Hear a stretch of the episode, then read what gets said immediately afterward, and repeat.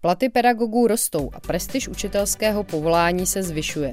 Přesto mají školy stále problém sehnat kvalifikované a aprobované zaměstnance. Nedostatek pedagogů se přitom prolíná celou vzdělávací soustavou od mateřských až po střední školy. Proč je tak náročné sehnat kvalifikované učitele a jak je na škole udržet?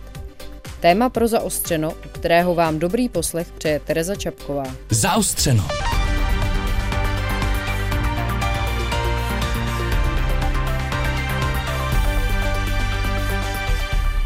Jak ukázala květnová analýza České školní inspekce, některé kraje problém s nedostatkem kvalifikovaných pedagogů pociťují mnohem palčivěji než jiné. Patří mezi ně zejména středočeský, karlovarský a ústecký kraj, ale také Praha. Příčiny schrnuje ústřední inspektor České školní inspekce Tomáš Zatloukal. Problémů je více a mají eh, různé důvody. Ta situace obecně v Čechách je horší než eh, na Moravě. Ty důvody mohou být zejména tím, že absolventi pedagogických fakult a fakult připravující učitele eh, nenastupují do škol. Ty motivy zase mohou být různorodé v těch velkých městech nebo případně i v Praze a v okolí Prahy. To může být dáno lepšími pracovními příležitostmi, protože pedagogové jsou vybaveni celou řadou kompetencí, které jsou zajímavé zajímavé eh, a přínosné eh, a atraktivní pro jiné obory, takže ta konkurence mezi učitelstvím a dalšími profesemi je velmi silná. Pak je to dáno v některých částech území tím, že tam nejsou fakulty připravující učitele. Karlovarský kraj třeba takovou vysokou školu eh, nemá a Plzeňská univerzita zase z kapacitních důvodů není schopna úplně obsloužit eh, dva takové kraje anebo eh, to širší okolí. Takže těch eh, důvodů je, je více a projevují se potom tím, že v některých z těch regionech se problémy kumulují jak s kvalifikovaností, tak také se socioekonomickým statutem, eh, sociálními problémy obyvatel toho regionu. Problémy má mít i Praha. A například u Prahy by člověk čekal, že i vzhledem k počtu lidí nebude takový problém sehnat kvalifikovaného pedagoga. Tak čím to je? Tak eh, v Praze je výrazný problém. Eh, velmi silný problém je třeba na prvních stupních základních škol, kde učí Eh, studenti eh, prvních ročníků učitelství na prvních stupních eh, pedagogické fakulty. Ty důvody zase mohou souviset s životními náklady, které jsou v Praze nejvyšší, s platy, které jdou proti tomu a zase s tou konkurenceschopností, kterou učitelé mají i v rámci jiných profesí, do kterých je prostě lákají a, a učitelé akceptují platy se ale nějakým způsobem zvyšují, tak ani to vlastně nestačí k tomu, aby to ty učitelé udrželo v profesi? Těch úspěšných vzdělávacích systémech k tomu přistupují tak, že v regionech, kde mají problémy právě se zajištěním kvalifikované výuky a většinou jsou to podobné regiony jako v České republice, které jsou zatíženy i tou kvalitou života v těch regionech, strukturou, různými sociálními problémy, vůbec kvalitou života, eh, tak eh, tam vytvářejí příznivější, motivující eh, podmínky pro to, aby ti učitelé v těch regionech a v těch školách působili. To se týká jak učitelů, tak také také ředitelů. Eh, takže ty podpůrné, motivační podněty v různých podobách eh, tam fungují. U nás eh, zatím ne, u nás existuje prostě celoplošné normativní financování, které je stejné jak ve školách v Praze, v Karlových Varech, v Moravskosleském kraji nebo na Jižní Moravě. A co by se tedy mělo konkrétně změnit? Co můžou být ty příznivější, motivující podmínky?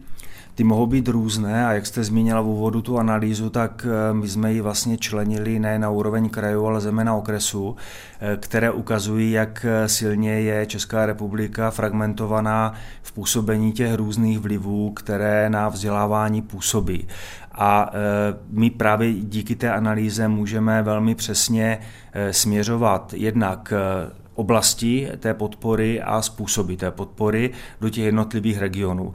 Někde potřebujeme daleko více personální podporu v těch školách, to znamená třeba specializované pozice jako speciálních pedagogů, školních psychologů, anebo podpůrné pozice jako sociálních eh, školních asistentů a podobně, které pomáhají eh, školám právě ty vlivy těch podmínek, ve kterých pracují, eliminovat. A pak jsou třeba faktory finanční, které by měly jakoby podpořit a motivovat eh, příchod kvalifikovaných učitelů do těch regionů, kde se jich nedostává. A kde by nebo u koho by tyto změny měly začít? Určitě je to systémová podpora, to znamená ze strany státu a e, v tomto tématu už se e, začínají realizovat první kroky v souladu se schválenou strategií vzdělávací politiky 2030+, plus, a spočívá v identifikaci škol, které v různých regionech právě takto specifickou podporu potřebují.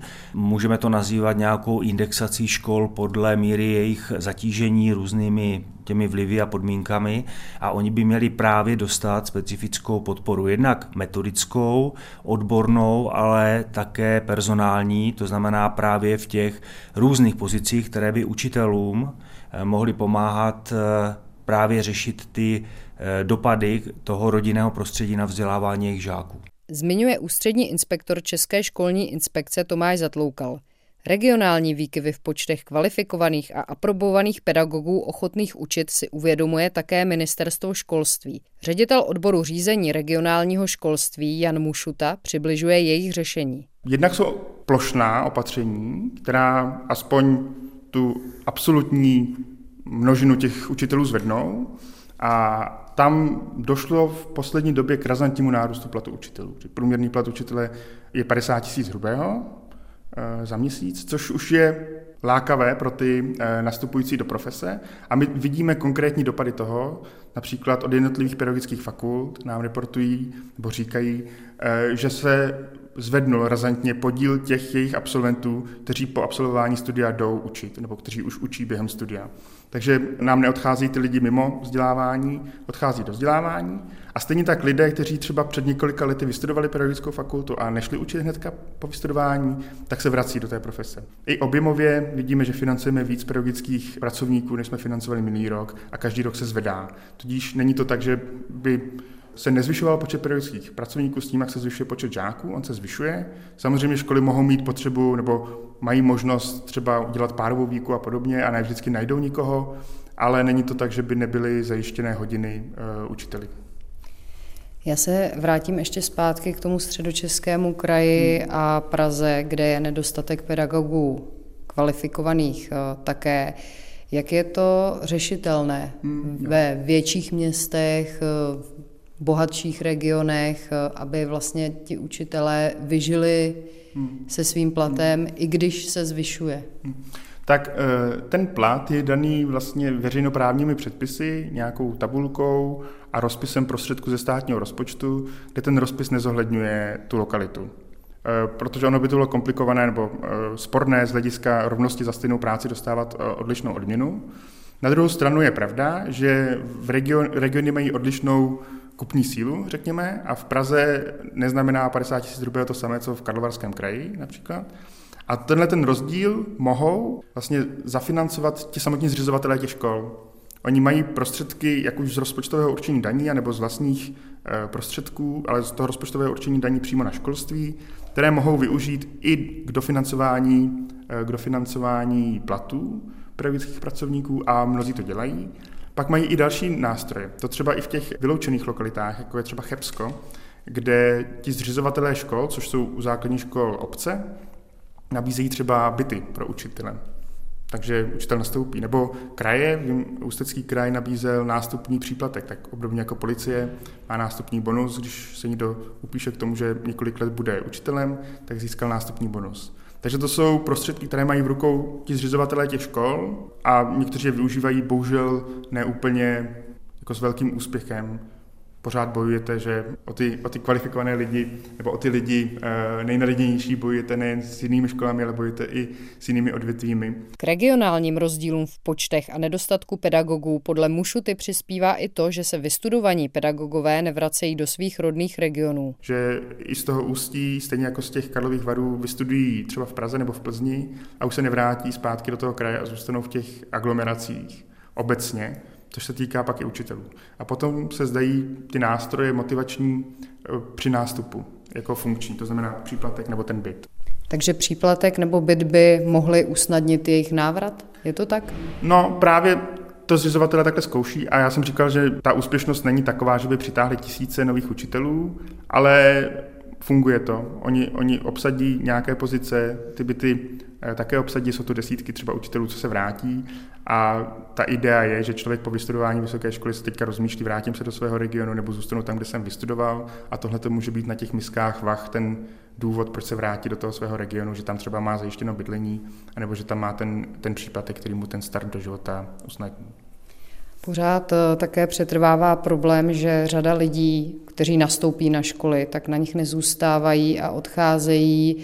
Jaká opatření by měla podle vás motivovat mladé učitele, aby u profese zůstali? Mm-hmm. A kdo by v tom měl hrát největší no. roli? Je to škola?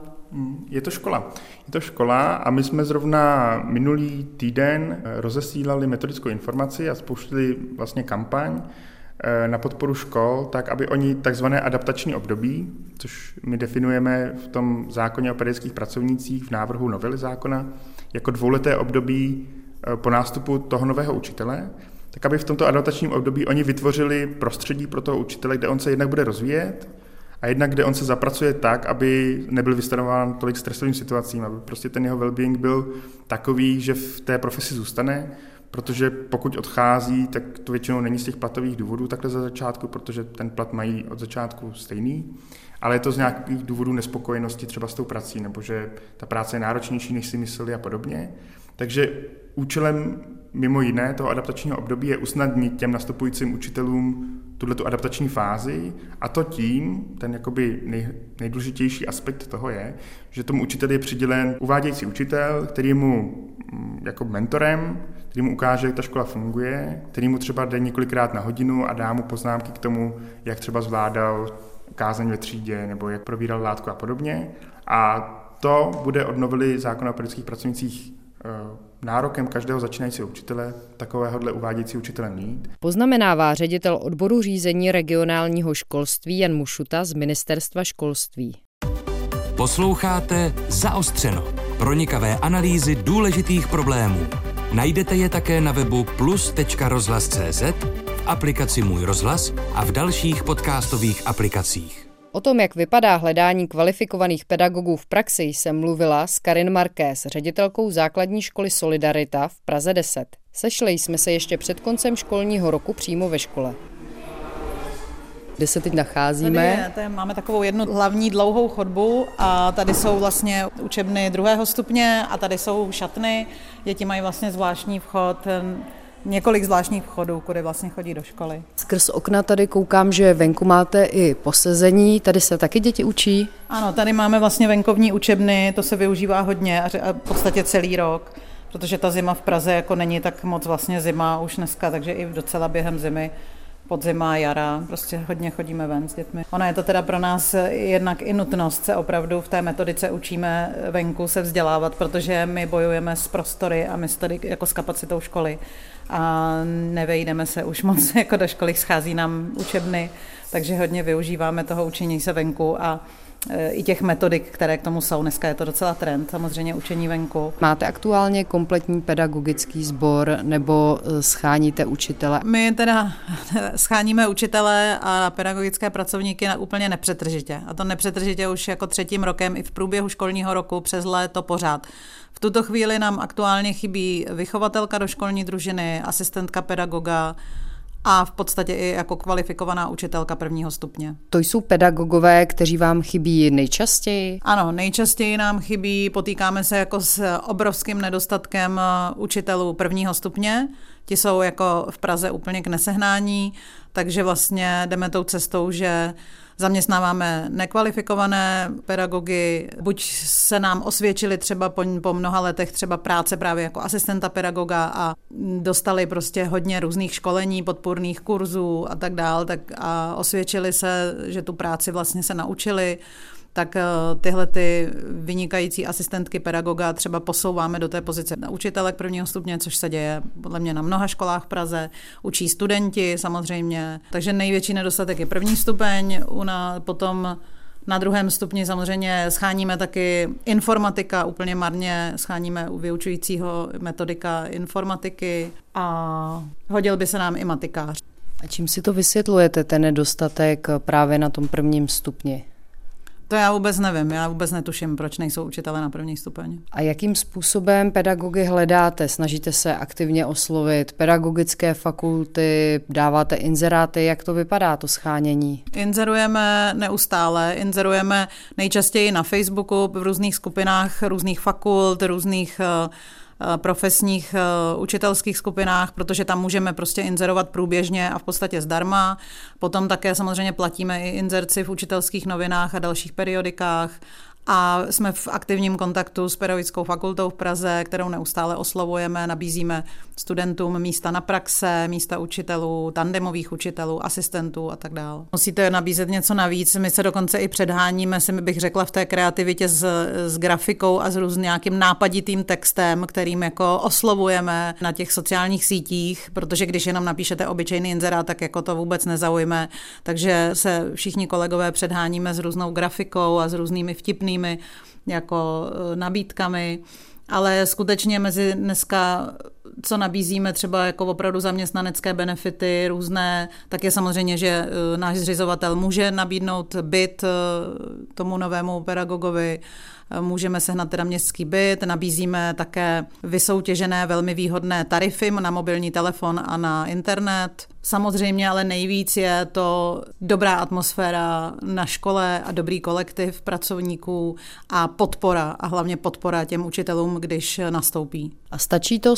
Schánějí se díky tomu pedagogové lépe? Těžko říct, prostě pořád nám máme nedostatek a pořád scháníme, ale jako osvědčuje se to, že teda když ti lidé jsou spokojeni, tak eh, snad alespoň neodchází, jo? protože opravdu snažíme se jim dávat maximální podporu, vycházet jim ve všem stříc, tak, aby byli spokojeni, aby zůstali.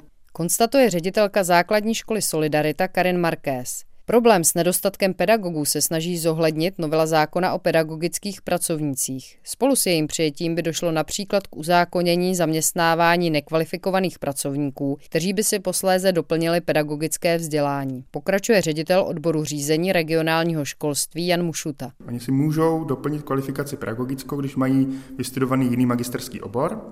Ten zákon jim dává dobu tří let, po kterou jim ředitel školy může uznat splnění té kvalifikace odborné a oni do tří let si musí doplnit eh, pedagogické vzdělání. Ale eh, i bez zákona o pedagogických pracovnicích tak je třeba uvést, že ředitelé mohou eh, obsadit místo i nekvalifikovaným pedagogem a je na jejich zodpovědnosti a mají na to i možnosti, aby zajistili tu kvalitu té výuky. Takže ředitel, když eh, je v lokalitě, kde třeba není moc absolventů, a třeba to Karlovarsko je příklad kraje, kde není třeba vysoká škola, která by měla studijní program učitelství, ale má talentované, zapálené lidi, může je zaměstnat a může jim vytvořit na té škole podmínky, aby oni si tu kvalifikaci doplnili. To doplňující pedagogické studium není nový institut, to už funguje nějakou dobu jako eh, vedlejší cesta k získání kvalifikace. To znamená, že fakulty ho nabízejí dlouhodobě, teď se navíc zabývají ještě intenzivněji kvalitou tohoto studia, protože my na ministerstvu děláme reformu pregraduální přípravy učitelů, kde stanovíme nějaké standardy toho, jak by měli vypadat absolventi právě studijních programů učitelství a tyto standardy chceme aplikovat i na absolventy těchto studií. Poznamenává ředitel odboru řízení regionálního školství Jan Mušuta z Ministerstva školství. Jak ukázal červnový průzkum společnosti GTS Alive, každý pátý učitel chce do dvou let odejít ze školství. Jako hlavní důvod pedagogové uvádějí, že si lidé neváží jejich práce. Průzkum se uskutečnil mezi zhruba 300 učiteli základních a středních škol z celé České republiky.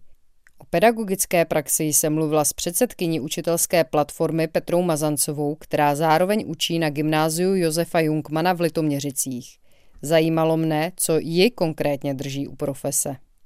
Já si myslím, že pořád nacházím v té práci radost. Asi bych nedokázala dělat něco, co mě nebaví. Paradoxně si myslím, že je to pro mě opravdu hodně výhodné v tom, že se udržuju mladá. Že prostě máte kontakt s těmi mladými lidmi, tak daleko víc vidíte do jejich světa. V neposlední řadě si prostě pořád myslím, že vzdělávání je strašně důležitá věc a že uh, učitelé, kteří jsou dobří a kvalitní, by tam měli zůstat a jelikož se považuji za dobrou učitelku, tak mi přijde správné to vzdělávání posouvat zevnitř. To znamená neodejít z té profese, ale zkusit to měnit zevnitř, protože ten dopad na ty děti je tam nejrychlejší. Pokud prostě něco změníte v té třídě, tak ovlivníte život mnoha dětem hned přímo. Nepotřebujete k tomu žádnou zásadní změnu systému. A to mě baví. Zmiňovala jste například to, že nacházíte radost v tom povolání. Proč to nefunguje u jiných kolegů nebo kolegyň a co by jim mohlo pomoct? Vždycky říkám a, a považuji to za pravdu, že žádný učitel asi nešel do praxe s tím, že bude prostě učit vyloženě špatně, nebo že bude zlý na děti, nebo že se bude chovat neprofesionálně nebo že nebude učit tak nejlépe, jak by mohl. Ale třeba se někdy po cestě v té jeho kariéře prostě stalo to, že se nepotkal s nějakou podporou. Zůstal v tom sám, neuměl si s tím poradit a zajel do nějakých eh, špatných kolejí a ona se z nich jako velmi často špatně výjíždí. Takže já si myslím, že nějaká zásadní podpora učitelů v tom směru, že když nastoupí do té praxe, tak bychom mu neměli dát do ruky fixu a do druhé ruky eh, přihlašovací údaje do školního eh, systému. Ale měli bychom s ním procházet, co ho trápí. Měli bychom s ním chodit do hodin. Měli bychom s ním reflektovat ty hodiny. Pokud se na něco zeptá nebo potřebuje s něčím poradit, tak bychom mu neměli říkat, no na to si musíš přijít sám, mě to taky nikdo nevysvětloval. Ale měli bychom, tak jako vedeme děti ve škole, vést i začínající kolegy. A to teď beru i kolegy, kteří se třeba vrací po nějaké pauze nebo přicházejí z nějakého jiného zaměstnání, kde už dosáhli nějakého vrcholu a třeba chtějí zkusit učit. A taky bychom měli učitelům dávat najevo, že si té jejich práce A řeší alespoň část z toho, co jste zmínila, připravovaná novela o pedagogických pracovnících? Částečně ano, ale prostě pořád si myslím, že tam máme eh, rezervy třeba v tom, že ten uvádějící učitel bude, eh, pokud ta novela bude přijata, což teď vlastně není ještě, tak eh, ten uvádějící učitel tam sice má vyhrazenou nějakou jako funkci, je to tady specializace, které se může učitel věnovat, ale už třeba nemá žádný odpočet ze svých přímých vyučovacích hodin, ze své přímé vyučovací povinnosti. A, a já si myslím, že to je opravdu jako zásadní, aby ten uvádějící učitel, pokud má na starosti začínajícího učitele, měl na něj čas. A pokud učíte 22 hodin týdně, tak je velmi náročné si ten čas najít, tak abyste se mohl přijít podívat k tomu učiteli do hodin, aby on mohl jít do hodiny k vám, aby nějakým způsobem jste si našli čas třeba na společnou reflexi té hodiny abyste ho mohl pochválit, co se mu povedlo, anebo říct, hele, tohle bych zkusila jinak. Jo. Tam je prostě hlavní problém, je ten čas. Další věc, se kterou by se mělo pracovat, jsou zborovny na jednotlivých školách, tedy způsob práce s lidmi. A to se vracíme zpátky k ředitelům, nebo prostě zase se dostáváme k ředitelům že ředitel by měl být zejména člověk, který uh, umí pracovat s lidmi, dokáže vést tým, protože ta zborovna by měla být tým a dokáže své učitele podporovat. To je nejbližší člověk, který by to měl dělat. A to, že spousta ředitelů to z různých důvodů nedělá, je možná způsobeno i tím, že jejich práce je velmi široká a ta zodpovědnost za tu školu opravdu obrovská takže eh, řeší od eh, výběrového řízení na nějakou stavbu až eh, po to, že přišly jiné lavice, než jsme objednali a paní kuchařky v jídelně rozbili nějaký přístroj a zařadit tam do toho ten pedagogický proces a tu práci s lidma je opravdu jako velmi namáhavé. Ale ukazuje se, že v těch školách kde to ředitelé dělají, se to velmi vyplatí a je tam menší fluktuace. E, učitelé tam jsou více spokojení a neodchází. Já se vrátím k nedostatku kvalifikovaných učitelů a k jejich těžkému schánění. Co tedy učitelé potřebují? Je to, je to velké téma, které třeba učitelská platforma se snaží e, aktuálně řešit a ptáme se krajů, že každý kraj nějakým způsobem vytváří nějaké nabídky toho nebo pobídky, jak ty učitelé řešit a jak řešit nedostatek učitelů, a že někdy dávají, nevím, až tři platy, pět platů, byt. Já si myslím, že všude funguje něco, nic nefunguje univerzálně, že e, ještě pořád bychom potřebovali pro začínající učitele e, víc peněz a zejména nějakou větší možnost kariérního růstu aby eh, to bylo tak, že eh, to není tak, že začnete učit a než půjdete do důchodu, tak vám šestkrát zvýší plat, ne o příliš velké prostředky. Potřebovali bychom, aby ředitelé mohli více individuálně odměňovat svoje učitele. No a taky bychom potřebovali, aby víc těch učitelů z těch pedagogických fakult šlo do té praxe, protože pořád je to tak, že nám víc učitelů odchází do důchodu nebo ze školství, než těch, kteří tam přicházejí. A tam si myslím, že je zase důležitá ta spolupráce mezi školami a fakultami a to si myslím, že můžou kraje hodně ovlivnit. Podotýká předsedkyně učitelské platformy Petra Mazancová a pedagožka na gymnáziu Josefa Junkmana v Litoměřicích. A jak by si představovali ideálního učitele ti, pro které jsou tu pedagogové především? Ptala jsem se žáků základní školy Solidarita v Praze 10. Třeba nějaký to téma měl pořádně vysvětlit, aby to jako všichni pochopili. A to je vlastně všechno, jako aby, byl, aby na nás moc jako nekřičel a byl hodnej prostě. Tak za mě by měl být určitě blízký studentům, například v tělocviku, že by měl jako znát tu aktivitu dobře a celkově jakoby snažit se s nimi jako spojit a být prostě přátelský. To si myslím, že je hlavní. A v jiných předmětech než třeba tělocviku? Tak, aby vlastně třeba u například přírodopisu, tak aby to bylo interaktivní s těma žákama, aby se nenudili, protože například prezentace, tak ty bývají nudný a myslím si, že interaktivní věci jsou zábavnější a líp se to pak pamatuje tak já můžu jenom souhlasit s tím přátelským přístupem, protože když učitel přijde do hodiny s tím, že jako je víc kamarád než učitel, tak to má takovou hezčí atmosféru a i ty interaktivní věci, jak zmínil kolega, jsou takový jako, ty lidi to víc chtějí dělat, než prostě když mají poslouchat nějaký výklad. Tolik tedy na závěr názory žáků základní školy Solidarita v Praze 10. Dobrý poslech následujícího vysílání Českého rozhlasu Plus přeje Tereza Čapková.